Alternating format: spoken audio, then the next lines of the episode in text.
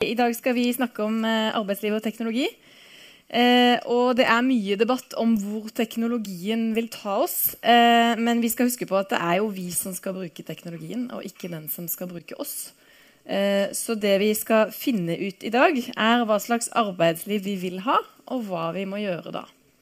Eh, og vi har gjort mye allerede. Eh, norsk arbeidsliv er allerede svært digitalt. Vi ligger foran mange andre land. Eh, analyser eh, anslår jo at halvparten av alle arbeidsoppgavene i USA kan erstattes av roboter i løpet av noen tiår, men i Norge så er det tallet sånn rundt en tredel. Eh, og det er jo fordi vi allerede har digitalisert veldig mange oppgaver i Norge.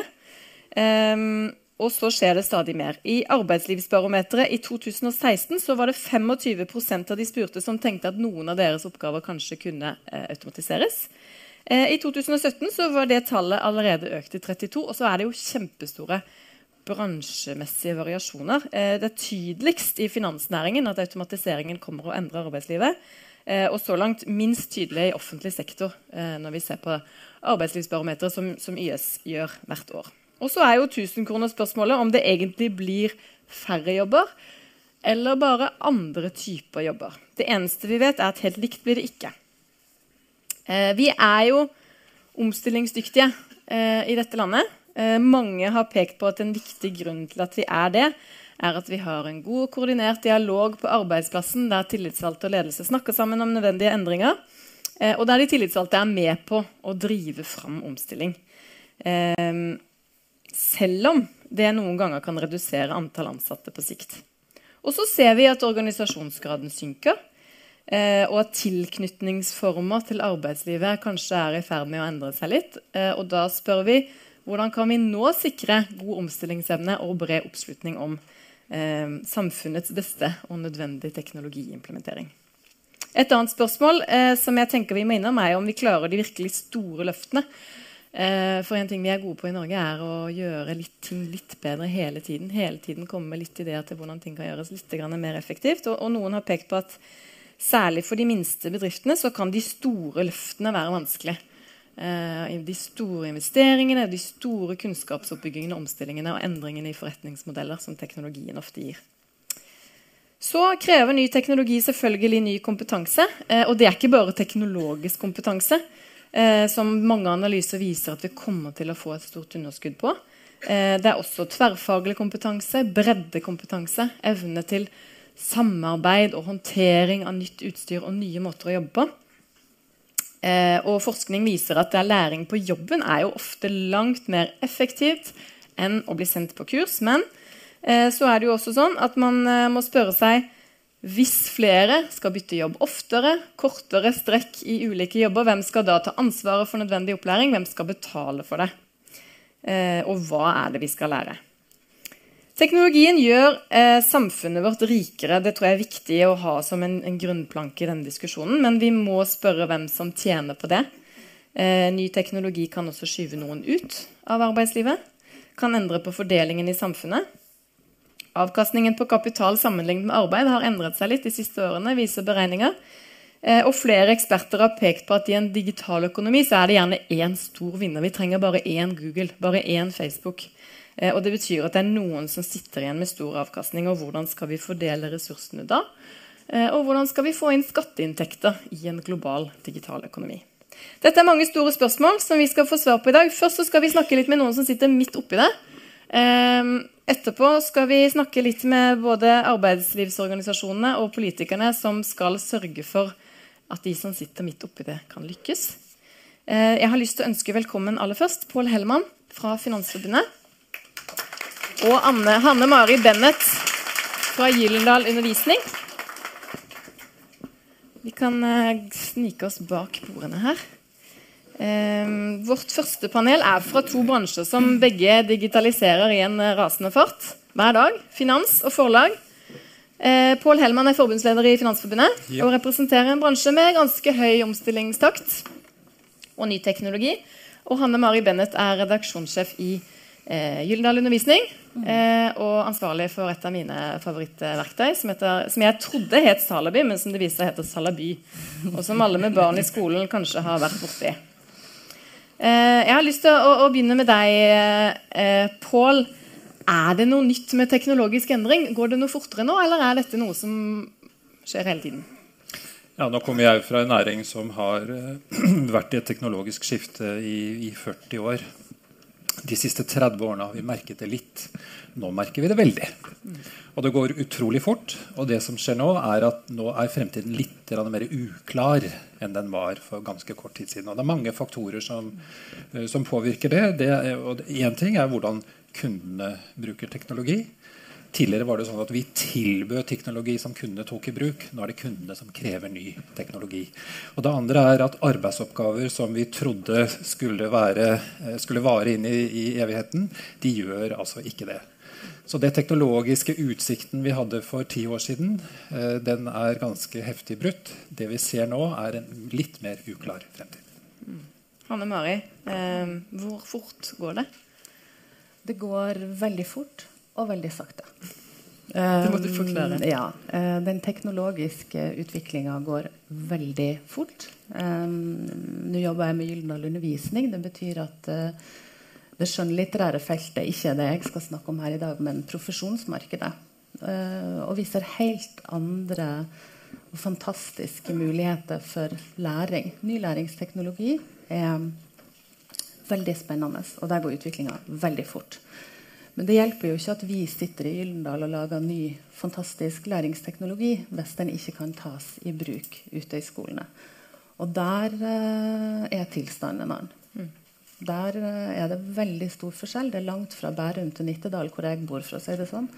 Um, det er enorme forskjeller både hva infrastruktur gjelder, hva lærerkompetanse gjelder, og generell digital optimisme. Den er veldig variabel.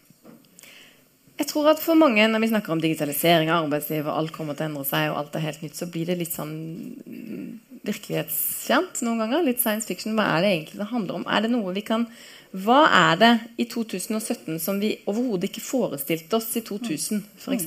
i din bransje? Ja. Eh, ta matematikkfaget, da. Eh, tidligere så lagde vi lærebøker i matematikk. Da var det lærebokforfattere som var flinke pedagoger, didaktikere, som satt og skrev ned eh, sånn som de mente at matematikkfaget burde presenteres for unger.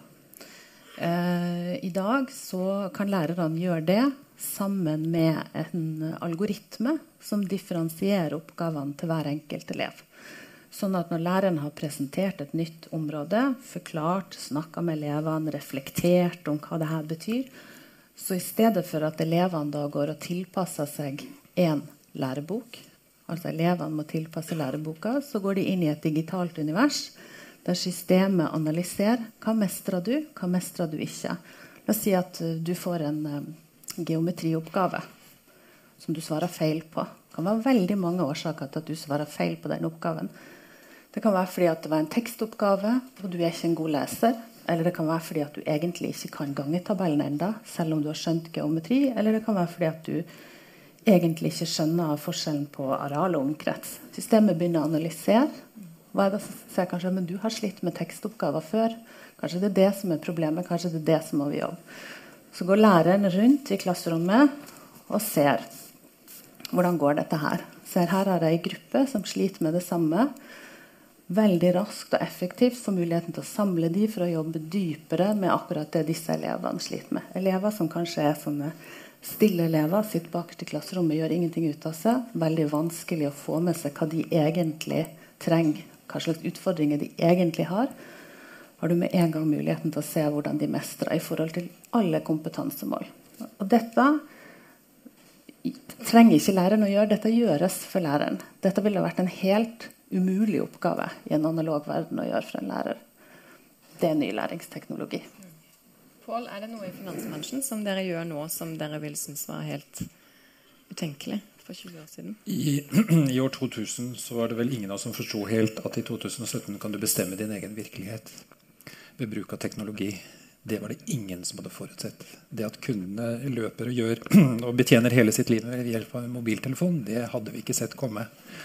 Og det er mange bransjer som, som, merker dette. Det å sitte hjemme i sofaen og bestille matvarene sine var det heller ingen som skjønte i 2000, eller ikke hadde tenkt på som en mulighet.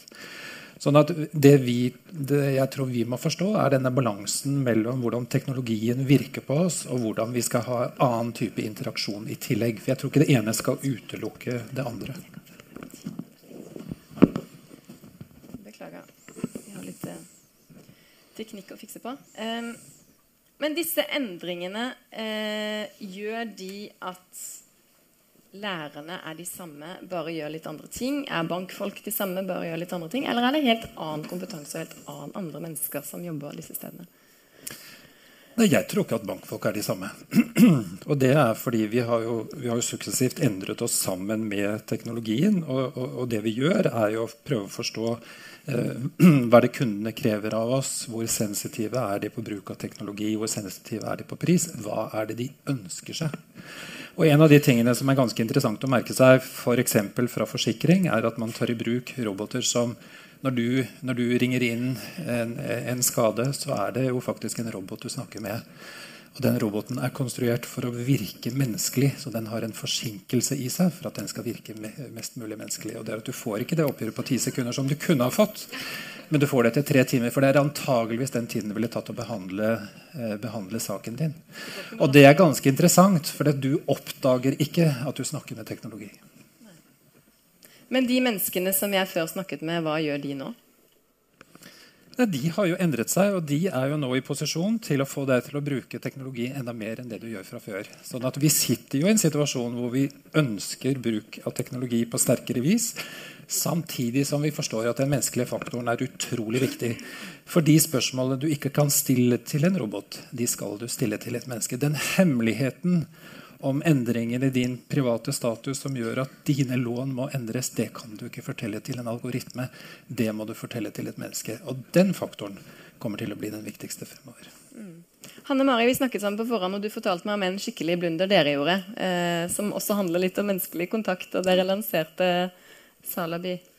Eh, vi hadde Vi snakka litt om går om uh, hva vi har gjort som er bra, og hva vi har gjort som ikke er så bra. Og det er um, fremdeles sånn at uh, alle vi som jobber i Gyldendal Undervisning, når vi ser eller snakker om 2013, så blir vi litt sånn smågrønne i ansiktet og syns det er ubehagelig.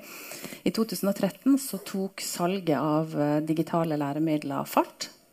Da solgte vi plutselig noen hundre tusen lisenser. og midt i feiringa av gode salgstall så begynte brukerne å ta kontakt med oss. Jeg vet ikke om noen av dere har vært på Gyldendalhuset, men det er en sånn, sånne åpne atrium hele veien opp. Og jeg sprang rundt med telefonen i de der atrium bare for det ringte, og kundesenteret, som jo var vant til å ta imot bestillinger og vurderingseksemplar på bøker, de kunne jo ikke gi digital support. De som hadde utvikla produktene, de hadde jo ikke tid. Um, og vi hadde ja, vil si ganske sånn alvorlig omdømmemessig svikt. For vi har alltid jobba tett med læreren. Vi er lærerens beste venn. Vi skal gi læreren verktøy som er gode å bruke i klasserommet, men da svikta vi. Da ga vi de verktøy som um, ikke fungerte. Altså, produktet i seg sjøl fungerte sånn som det skulle, men vi hadde mista hele det fokuset på brukeropplevelsen som er en av de største forskjellene vil jeg si, på det å jobbe med analoge for oss analoge produkter, digitale produkter. Eh, for det er ikke bare produktet. Det er en brukeropplevelse rundt som er veldig viktig. Så da tok ledergruppa satte seg ned i et halvt år og jobba kun med å identifisere absolutt alle berøringspunkter som lærere og elever har med oss i Gyllenhall undervisning og jobber fram tiltak for å gi dem en bedre brukeropplevelse. De skal kunne stole på oss. Eh, kontroll er en av de viktigste menneskelige behovene i en yrkesutøvelse. Og fratar du mennesker det, så gjør du ikke jobben din. Har dere gått på noen sånne smeller i, i din bransje, Pål? Hemmelig. Eller har det gått knirkefritt så langt? Nei, Det er klart at det er ikke alt som går knirkefritt. Samtidig så har vi brukt veldig veldig mange år på å bygge sten på sten. Så det er ikke sikkert vi har oppdaget alle smellene helt. Men én oppdagelse som jeg tror vi gjorde på kundesentrene i alle banker og forsikringsselskaper, er at de som ringer inn, plutselig så, eh, så, stiller de teknologiske spørsmål mer enn de stiller spørsmål om produkt og, og, og rådgivning.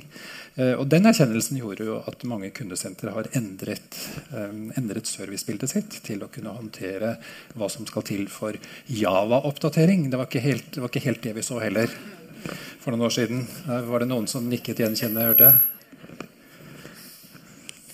Dere, betyr dette at man må bytte ut de menneskene man har, hvis vi går helt konkret ned på en arbeidsplass? Eller eh, kan de menneskene som er der, lære noe nytt? Og hva er det i så fall de må lære seg? Eh, for vår del så eh, har vi i år så går vi fra 70 til 100 medarbeidere, så vi oppbemanner ganske kraftig. Um, og det er nye kompetanser. Det er UX-ere, det er .nett-ere, det er CSS-folk og programutvikling. Altså det er masse ja. Um, det må du forklare hva tror jeg. Eh, for et par år siden så var det sånn at uh, jeg tror uh, liksom vanlig snakkis under lunsjen i kantina var hvem, hvem er de der UX-erne? Og hva skal de gjøre? Og UX står for User Experience. Um, og det hadde ikke vært så mange UX-ere i Gyldendalhuset før. I dag så går vi ikke en meter uten de. Um, vi er rett og slett ganske hekta, tror jeg. Eh, mange av de kommer fra Arkitekthøgskolen, og de har en helt annen tilnærming til det å designe gode prosesser. Det å forstå hva som er den gode brukeropplevelsen. Hva som gjør at kanskje jeg ikke velger bank etter hvem som har den laveste renta, men hvem som har den beste brukeropplevelsen på mobil. Sånn de jobber hele tiden med å forstå mennesket og designe prosesser for det. Men de har ikke erstatta redaktørene. på ingen måte. De har ikke erstatta de flinke pedagogene, didaktikerne, de som sitter og vet hvordan mine og dine unger skal lære mest og lære bedre. Men de må til for å kunne gjøre dette på en annen måte. Så digitaliseringen øker egentlig sysselsettingen i den Så har det gjort det, ja. På bekostning av andre, da antagelig? Nei, ikke så langt. For foreløpig så er det jo såkalt ambidekstriøse tider. Vi må gjøre begge deler. Ja. Eh, det er veldig mange som fortsatt vil ha papir. Mm. Eh, vi hadde aldri trodd at så mange fortsatt skulle ville ha papir som det. Så vi, har, vi gjør ingenting eh, i stedet for nå. Vi gjør det i tillegg til. Mm. Men jeg tror, jeg tror, det er så lett å se, på, se seg blind på at det er bare ny kompetanse som skal redde verden. Og jeg tror at hvis vi ikke bygger på den breddekompetansen som allerede fins i bedriftene, så begår vi en kjempeblunder. Det vil virkelig smelle. Og, og, la meg få lov å være så ublu at jeg kaller, at jeg kaller mange av de kollegene som jeg har i bank og forsikring, som renessansemennesker. De har enorm kunnskap. Og de, de, Det er ikke mye som skal til for å få de til å bli gode teknologer. Men de må erfare at det er den veien de skal, de skal.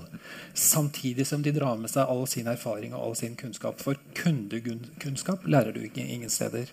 Interaksjonskunnskap lærer du ingen steder. Dette erfarer du jo. Og den erfaringen finnes allerede i bedriftene. Og den erfaringen er utrolig verdifull. Så hvis man bare ser, seg blind på at teknologene skal rette verden, så tror jeg vi begår en, en gigantfeil. Mm.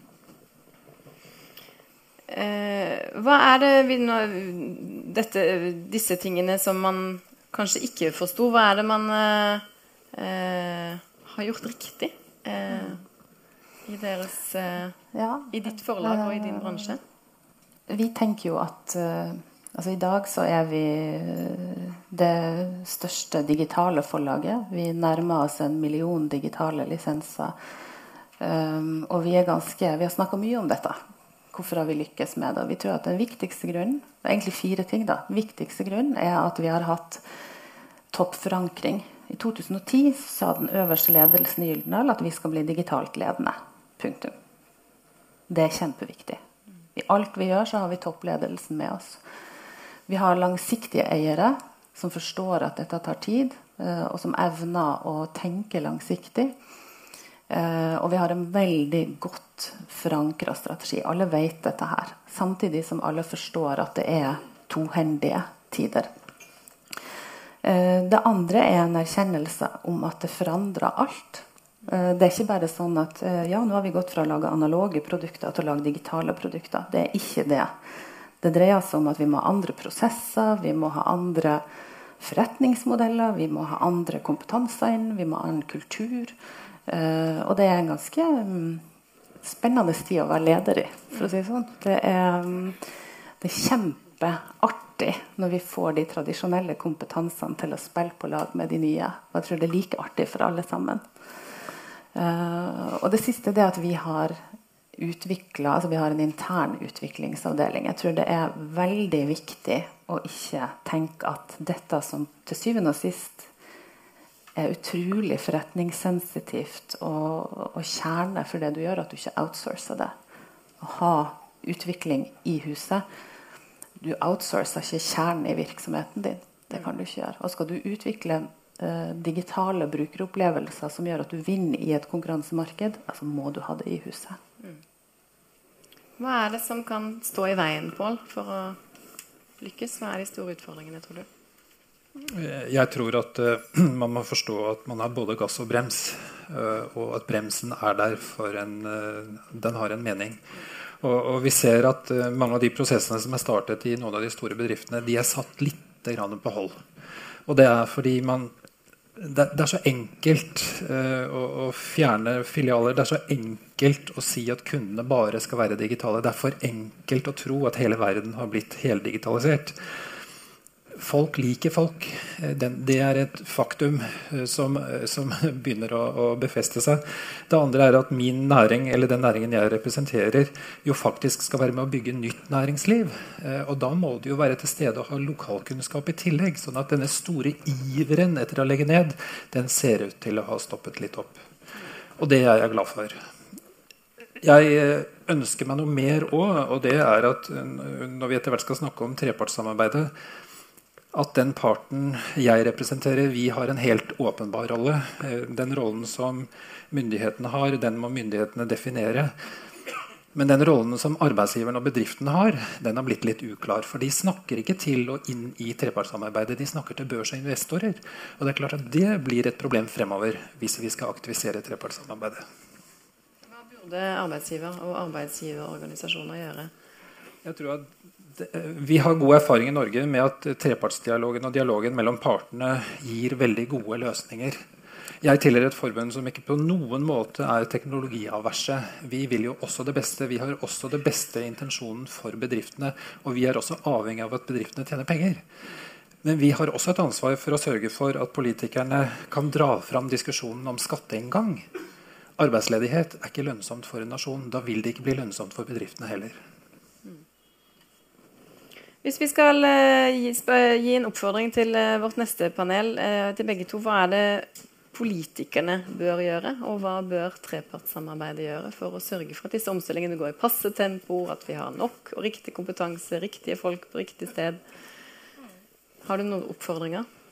Ja, for da tenker jeg jo i forhold til skole og utdanning, um, så tenker jeg at nå er det tre parallelle prosesser på gang som er ganske store og endrer rammebetingelser. Det ene er fagfornyelsen. Det betyr at uh, om to år så skal det godtas eller vedtas nye læreplaner for norsk skole. Læreplanene skal slankes, vi skal jobbe mer med dybdelæring, metakognisjon. Det er ganske store endringer som skal gjennomføres. Og så, parallelt med det, så lanserte den uh, sittende regjeringa en nasjonal strategi for digitalisering av norsk skole et par uker før valget. Um, og de, den har ganske store vyer i seg for uh, hva vi skal få til. Og så uh, jobbes det parallelt med å definere hva er god kvalitet på læremidler i norsk skole.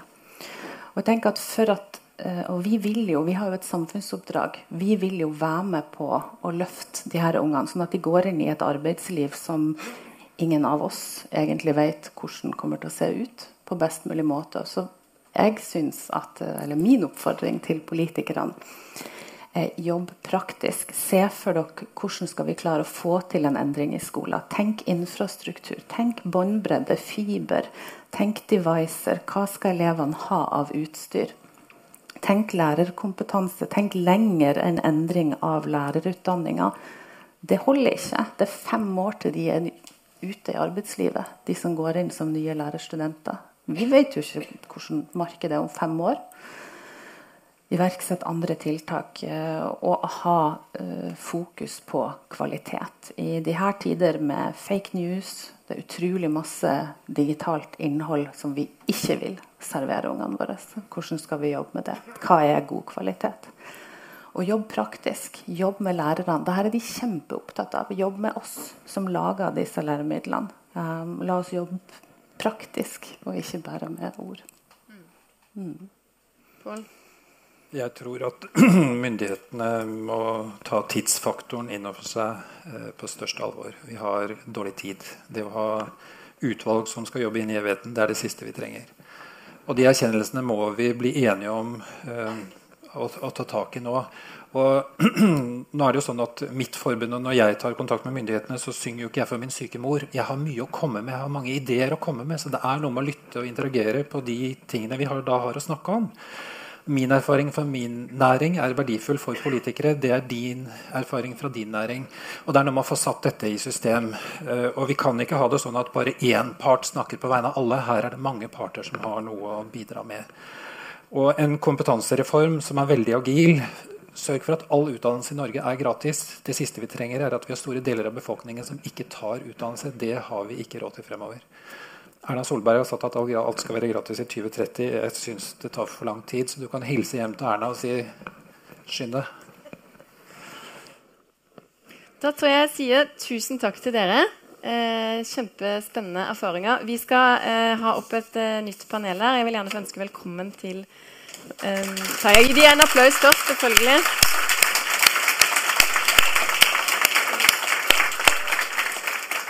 Da skal jeg få lov å ønske velkommen til eh, Marianne Martinsen, stortingsrepresentant for Arbeiderpartiet. Heidi Nordby Lunde, stortingsrepresentant for Høyre. Vibeke Hammer Madsen, eh, administrerende direktør i Virke. Og Erik Kollerud, nestleder i YS. Gi de en applaus. Jeg kan flytte meg et hakk bort.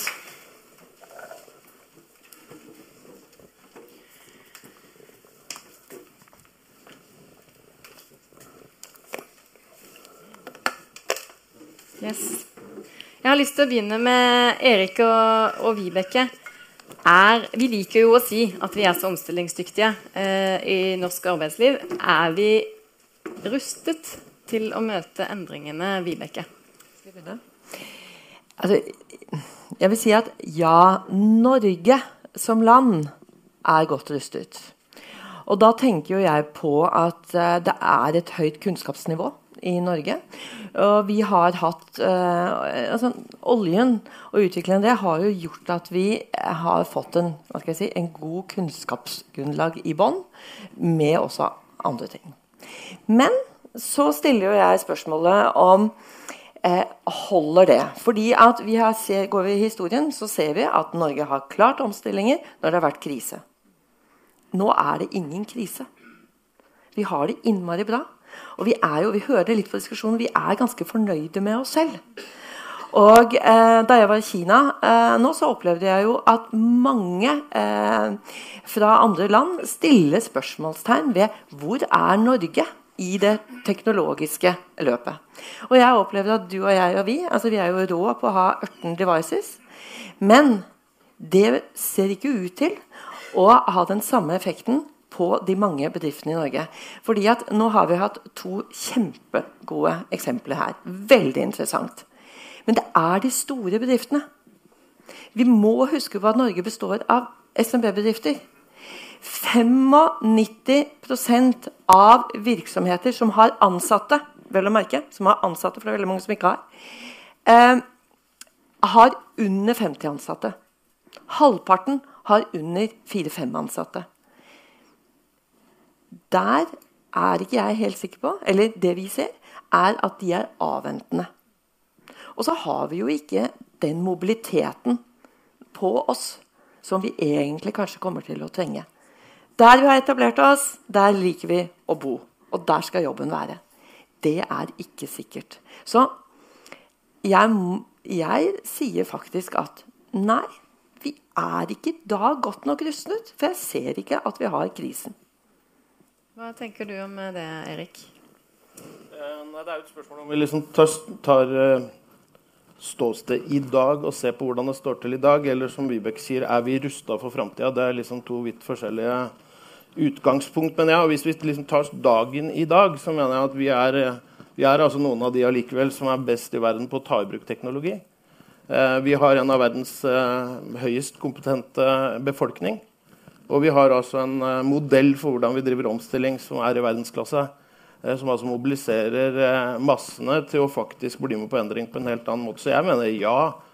Der vi er i dag, så er vi ekstremt godt rigga. Spørsmålet er jo om vi klarer å ta med oss det vi har i dag, videre inn i den endringen vi skal. Det er det som er det store spørsmålet. og er, Derfor er dagens tema ekstremt viktig. For eksempel.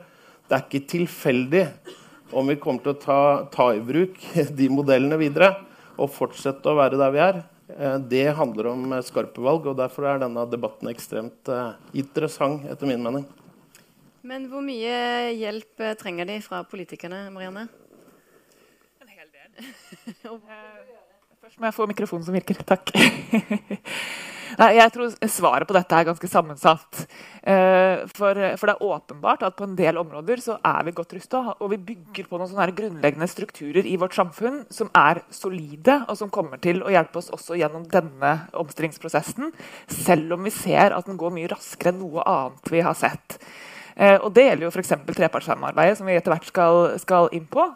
Eh, som jo har, eh, har, eh, mange kvaliteter ved seg, men hvor en av de mest sentrale handler om at den fører til omstillingsevne og omstillingsvilje i befolkninga. Hvis man ser til en del eh, land ikke så langt fra oss, så er viljen blant arbeidstakerne og i fagforeningene til å ta i bruk ny teknologi ganske begrensa. Altså man ser at man jobber mot endringene. Og sånn har det jo aldri vært i Norge. LO eller eh, andre, andre, fagforeninger har aldri vært styrt av verken maskinknusere eller folk som mener at vi ikke skal åpne grensene for å handle. Tvert imot så har vi jo vært veldig endringsvillige. Vi har tatt i bruk alle disse mulighetene.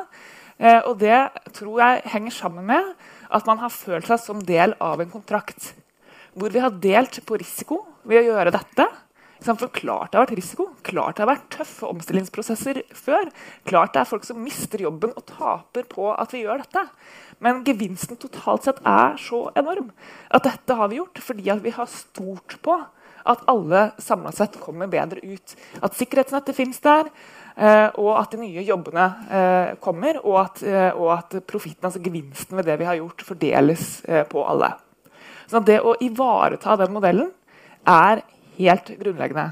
Og Det gjør at jeg er ordentlig ordentlig bekymra for tendensen til fallende organisasjonsgrad. For eksempel. Klarer vi ikke å holde disse mekanismene oppe, så er vi i alvorlig trøbbel. Da tror jeg også at vi vil se at det går utover eh, noen helt sånn grunnleggende ting som, som omstillingsviljen i befolkninga. Eh, så er det riktig at vi er høykompetente. Eh, det er vi. Eh, men, eh, men, jeg tror nok at vi i framtida kommer til å måtte ha mye større fokus på grunnleggende digital kompetanse. Det er ikke sånn lenger at du tar utdanningene, studerer noen år, og så går du ut og så jobber du resten av livet. Det du skal lære, er i stor grad å lære å ta til deg ny kunnskap gjennom hele livet. og Da må den digitale grunnkompetansen være på plass. Og der jeg tror jeg forståelsen også blant vi som er politikere, som ofte henger litt bak, da, eh, er i ferd med å, å, å falle på plass, og at dette er noe som vi tverrpolitisk også er ganske enige om. Og så har eh, dama fra, fra, forlagsbransjen her helt rett når hun sier at vi også må tenke praktisk og enkelt. Og det å klare å få til noe så basalt som at alle i Norge er på bredbånd. Enkeltpersoner og bedrifter.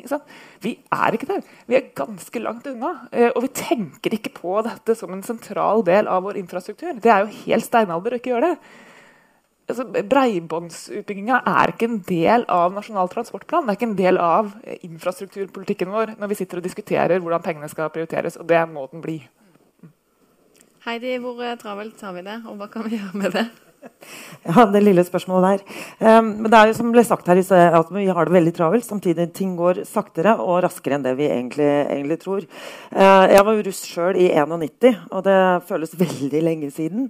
Uh, men det var da tilfeldigvis samme året som grensesnitt for det vi i dag kjenner som Internett, ble oppfunnet. Da var jeg altså ferdig uh, med videregående skole. Så min arbeidsplass var egentlig skapt i 91 etter at jeg var ferdig mer eller mindre utdanna med mine basale, basale, kunnskaper. Men samtidig så er det jo der jeg har vært resten av mitt liv. Og det betyr jo, og smak på denne setningen, folkens, at vi skal utdanne våre barn til yrker som enda ikke eksisterer, for å løse problemer vi enda ikke vet hva er. Og da er jo spørsmålet om vi som politikere vet vi skal, eh, hvilke kunnskaper de trenger i dag da i 2030, og det tror jeg ikke vi gjør. Så de som kommer og sier at vi har svaret på dette, og derfor må vi gjøre sånn, de, da tror jeg at de, er, altså, at de ikke er kompetente sjøl på hva vi trenger. Og det er litt som musikk, altså konsertpianister også. Du må kunne notene for å kunne uh, spille konserter.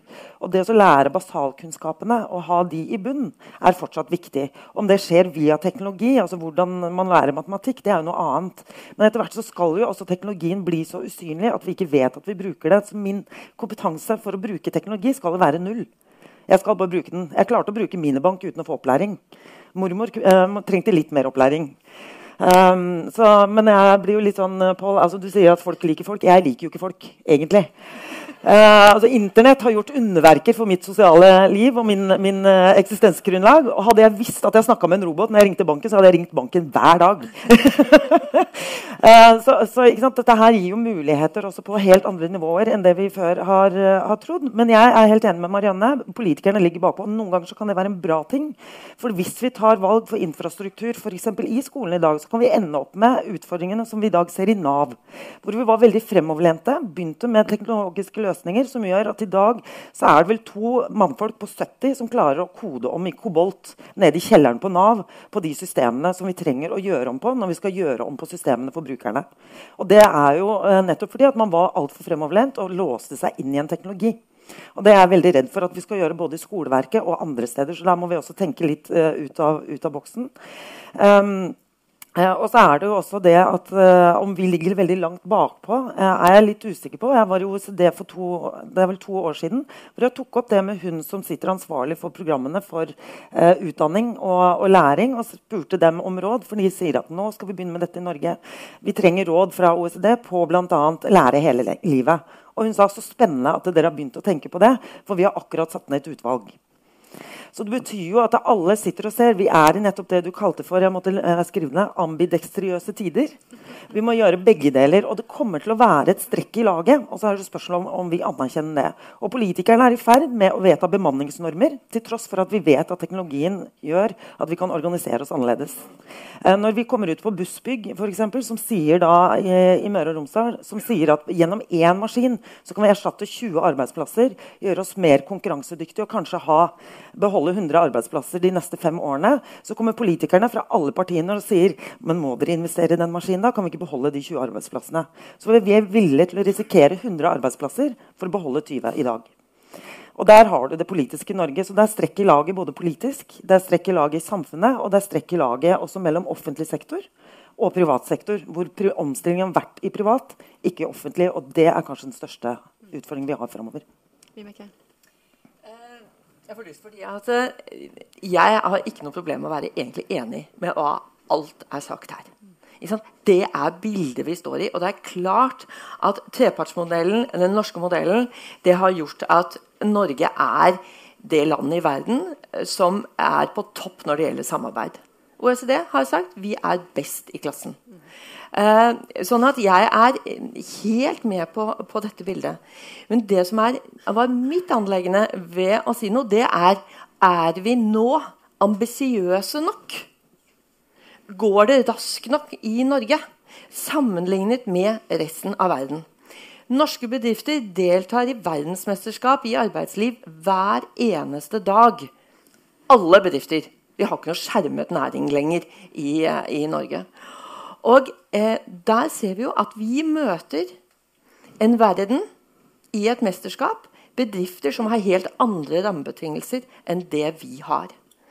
Og det jeg er opptatt av fremover nå, det er hvordan kan virke i et topartssamarbeid hvordan kan virke i et trepartssamarbeid? Hvordan kan politikerne være med å se at tiden spiller inn til å kunne bidra til at vi får endringer i lov og avtaleverk som gjør at våre virksomheter faktisk kan delta på samme bane, eh, bane som eh, resten av virksomhetene i, i verden.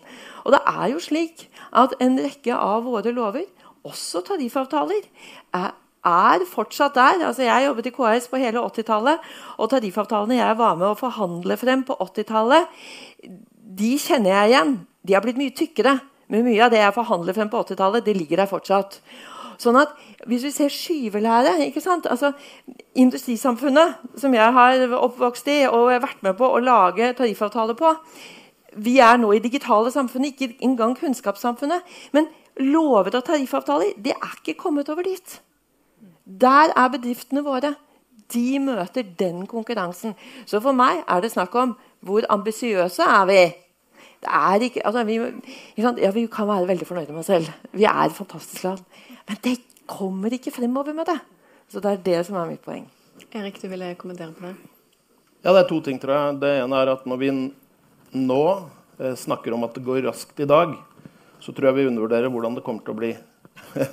sånn at, altså, vi, jo, vi snakker om, ikke sant? Det er, det er, på en måte også en ekstremt viktig forståelse. Jeg tror noe av det viktigste vi bruker tida vår på nå, er å forstå mekanismene i det som kommer. Eh, fordi det er, altså, det er, mye vi ikke vet, men det er faktisk en del ting vi vet òg, Og som gammel ambulansearbeider så vet jeg det er mulig å planlegge for det uforutsette også. ikke sant? Så vi må fokusere på det vi vet, og ikke snakke altfor mye om det vi ikke vet. Det tror jeg er en viktig anerkjennelse. Og jeg tror den veksten vi ser i dag, er bare en, ja, det er en mild bris i forhold til det som kommer. og Det betyr at vi må bevisstgjøre og prøve å forstå det, og så begynne å snakke om hvordan vi gjør det. Og så tror jeg en ting til Vibeke. Jeg hører hva du sier, og jeg er ikke uenig i at vi må endre. Selvfølgelig må vi det. Men, men, det er nå engang sånn at i Norge så har vi valgt noen, å gjøre noen grep som er annerledes enn resten av verden. Og resten av verden har begynt å si 'look to Norway'. Og at vi da skal begynne å snu oss og løpe etter verden, det er en merkelig forestilling for meg. Altså, det er liksom noe med at hvis, vi må også faktisk nødvendig... Vi er en del av verden. Vi er en del av verden uten videre, men vi må ikke til enhver tid altså nå begynne å si at vi skal ta etter alle andre. For det vi har gjort, er jo faktisk å ha vår egen modell og tro på den. Så jeg er litt bekymra hvis vi liksom skal glemme det. Da blir det litt å helle barnet ut med bardevannet. Ja, jeg har lyst til å dra oss litt ned på den konkrete arbeidshverdagen du tok opp, Vibeke. Og det er kjempeviktig at vi har masse små og mellomstore bedrifter i Norge Eh, som kanskje noen av de sitter her og lurer på hva i all verden er det jeg skal gjøre med denne digitaliseringen som haster sånn? Ja. Eh, og hva i all verden er det jeg skal gi av opplæring til mine ansatte, sånn at de skal mestre den? For jeg skjønner ingenting av hva det er de trenger å kunne. De må være renessansemennesker, og så må de ha basale ferdigheter, og så må de ha digital kompetanse. Hva eh, skal de gjøre, og hva trenger de fra eh, organisasjonene og politikerne? Vil, eh, du kan få begynne, Heidi, siden du allerede har bedt om ordet. Ja, ja, for det var et eller annet med mm, Nå syns jeg veldig synd på disse stakkars små og mellomstore bedriftene, kjenner jeg. Men, men, veldig ofte så sitter jo de nettopp Det er jo de som er mm, også ofte frontrønnere på ny teknologi. Så vi må også huske på det. Altså, det er ikke der du har de store omstillingsprosessene internt. Når du har fem ansatte, så trenger du ikke sette ned en prosjektgruppe for å tenke på Internett. Uh, så digitalisering for dem så handler det vel også om hva vi som offentlige myndigheter kan gjøre av tilrettelegging for å forenkle og forbedre deres hverdag i møte med bl.a. det offentlige. Men som jeg tror jeg også sa til deg på telefonen i går eller foregårs når det var, for meg så handler jeg, altså Privat næringsliv har vært omstillingsdyktig. Der har vi sett omstillingsvilligheten. Og det har langt på vei eh, skjedd også. Det er offentlig sektor jeg er veldig bekymra for. Men så så jeg også på finansbransjen, hvor, eh, altså, hvor, du har hatt de største kanskje endringene i løpet av de siste 20 åra. Eh, hvor antall ansatte Så jeg hadde forventa at de nesten var halvert. Men det viser seg når jeg så på tallene at det er 16 flere ansatte i 2015 enn det var i 2001. Eh, men de jobber med andre ting. Uh, og det er nettopp det vi også må se på offentlig sektor. Klarer man å få inn den uh, teknologien som da bl.a. finansbransjen har, har, innført, så trenger det ikke det bety en nedbygging av offentlig sektor, men det betyr en omorganisering. Og det betyr også å bringe tjenesten nærmere brukerne. Og det er jo noe av det vi må se på. Men jeg tror at alt det som har brakt oss oppover, som Marianne var inne på i stad også, uh, både det trepartssamarbeidet, det samfunnet som Norge har, har hatt, har over tid vært med på å bidra til å utvikle Norge. Men jeg oppfatter det nå at vi har har stivere strukturer enn vi har hatt tidligere. Nettopp fordi at man har hatt et lovverk, man har, bygget landet. Og nå er det ferdig bygga på industrialiseringssida, men det er ikke, vi går jo fra det industrielle samfunnet til noe helt annet. Og da passer ikke nødvendigvis de strukturene lenger. Og hva, hvordan kan vi myke opp de for å gjøre det norske samfunnet mer eh, konkurransedyktig? Eh, både utad, men også eh, at vi får en likeverdighet mellom offentlig og privat sektor. i hvert fall. Ta tak i her. Uh, for, for, å bare, for, å starte der hvor Vibeke var litt, med disse tariffavtalene og, uh, og hvordan ja, og, og, og lovverket, og er vi rusta sånn? Og selvfølgelig så skal vi være villige til å endre også noe av dette. Eh, og det tror, jeg, det tror, jeg, vi kan være enige om på tvers. men det er klart at, at det, det, å begynne å skli på maktbalansen mellom arbeidstaker- og arbeidsgiversida I kjølvannet av dette det tror jeg ikke er noen god idé. For det handler om den endringsviljen og denne kontrakten og den modellen som jeg var inne på i stad. Så selvfølgelig, vi skal tilpasse oss, men maktbalansen må ivaretas. Uh, og hvis man begynner å bruke uh, teknologiske endringer som litt sånn vikarierende argumentasjon for å skyve på den, så er vi ute på ville veier, sånn som jeg ser det.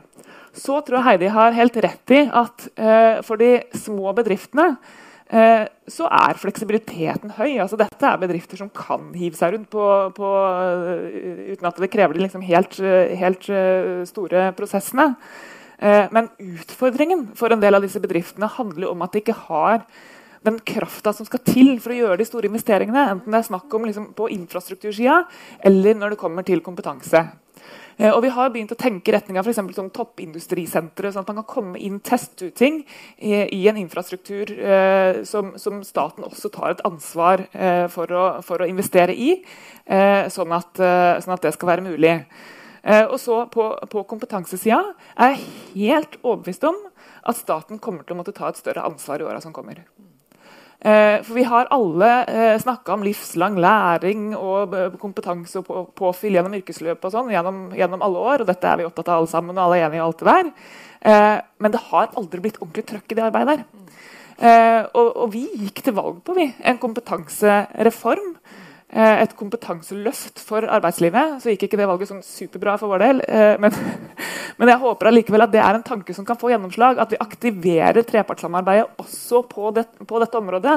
Og klarer å utvikle bransjeprogrammer som partene sammen med staten har ansvaret for, og som vi finansierer sammen.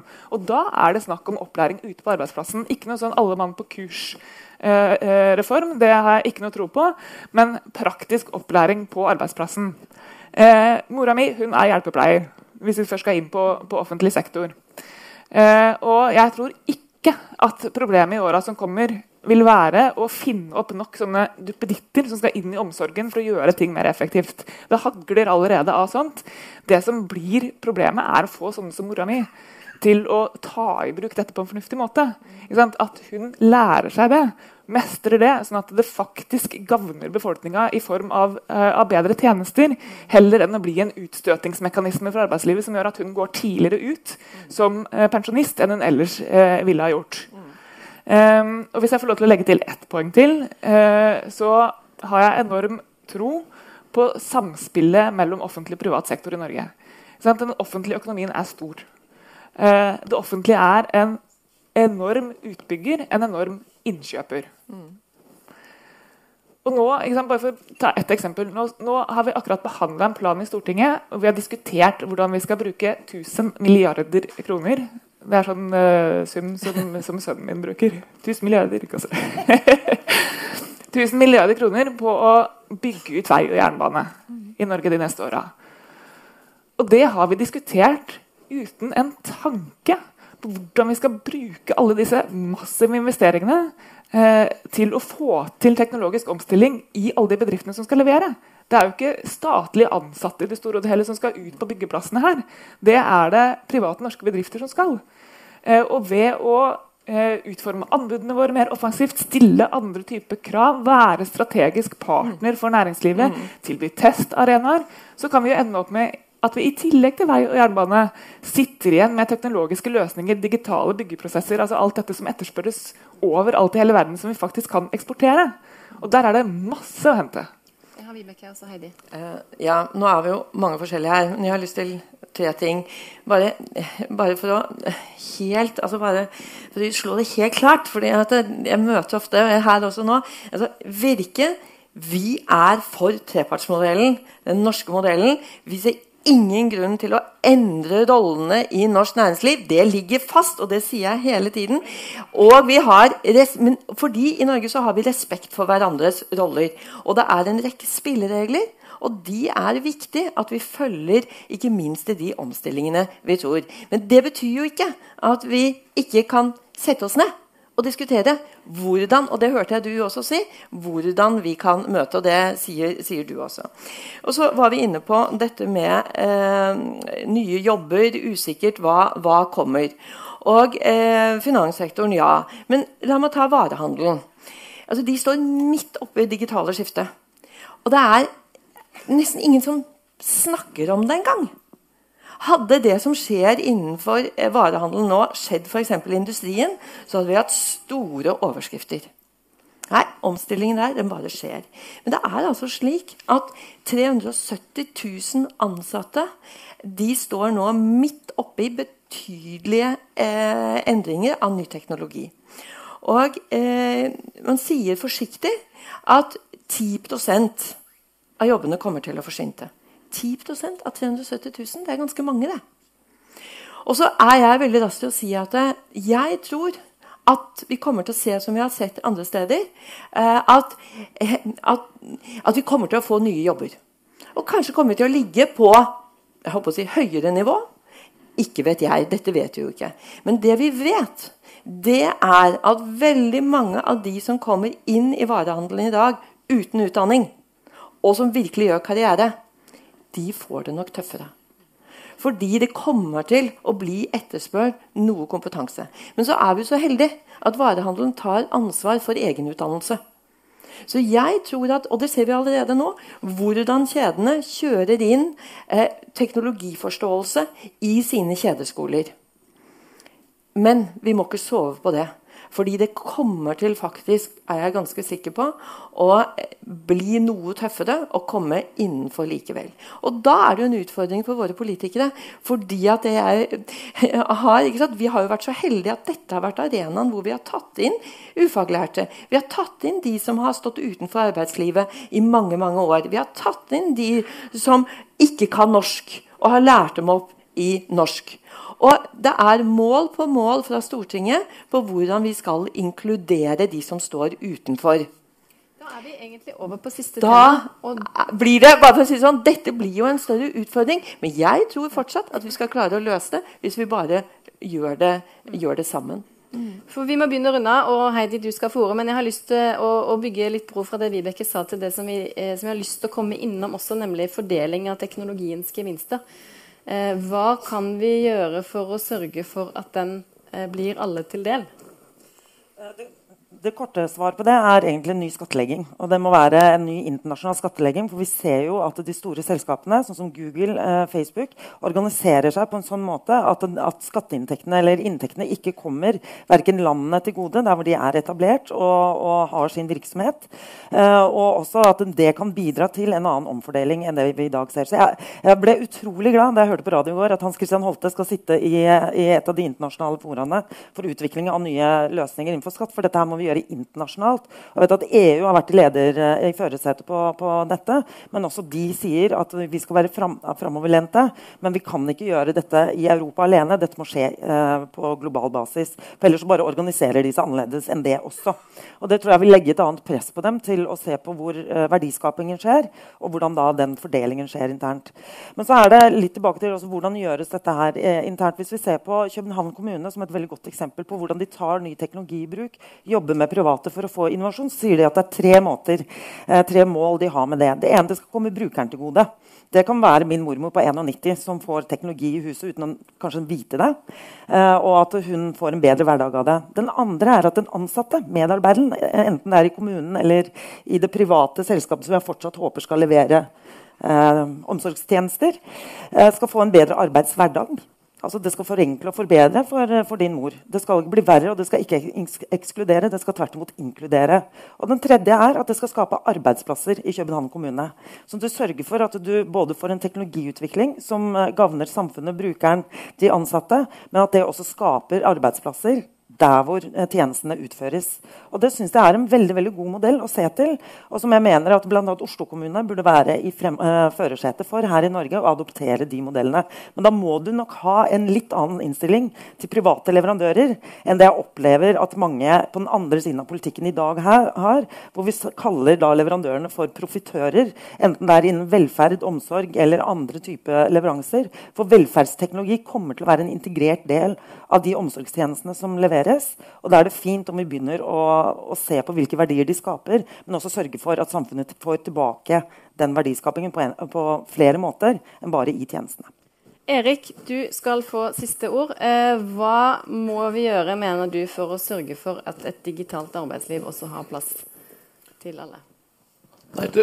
Jeg tror det som har vært diskutert her også, eh, jeg tror det er ekstremt viktig at samfunnet tar en viktig rolle i omstillingen, og at politikerne er, eh, er ledende og tar styringa gjennom det vi skal. Fordi det er en del verdivalg som det er ekstremt viktig at tas. Sånn som, Skal vi sørge for at vi har opplæring som treffer alle, som det har vært, og som er gratis og tilgjengelig, så er det noe samfunnet må fikse. ikke sant? Og skal vi ha noen verdier i samfunnet som faktisk driver omstilling på god, god måte, så må vi sørge for høy tillit, små forskjeller osv. Og, så og det er valg som politikerne må bidra til at vi tar. For det er det som har gjort oss så omstillingsdyktige som vi har vært. Og jeg tror vi står foran noen ekstremt vanskelige valg. Men vi trenger noen djerve politikere som faktisk bidrar til å ta, vare på verdiene. Eh, og så får vi eh, ut ifra det endre oss på en rekke andre områder. Men vi må ha noen grunnleggende holdninger. Vi må huske at når vi fant olja, så var det noen politikere som sa vet du hva, dette er folkets ressurser. Dette må vi fordele på en god måte. Det er ikke så veldig annerledes det vi står overfor nå. Vi kommer til å ha en teknologi som øker verdiskapningen ekstremt. Det handler om å diskutere hvordan vi fordeler det og bruker det. Og Da tror jeg selvfølgelig må man lage reguleringer både nasjonalt og internasjonalt som f.eks. sørger for det. Hvis ikke så kommer vi dit som vi har snakka om, hvor det winner takes it all. Og da har vi et samfunn hvor vi brenner bildekk, og hvor ting ser helt annerledes ut. Så dette handler om skarpe valg fra politikere, og selvfølgelig ta i bruk trepartssamarbeidet. Det var det vi rakk i dag. Jeg har lyst til å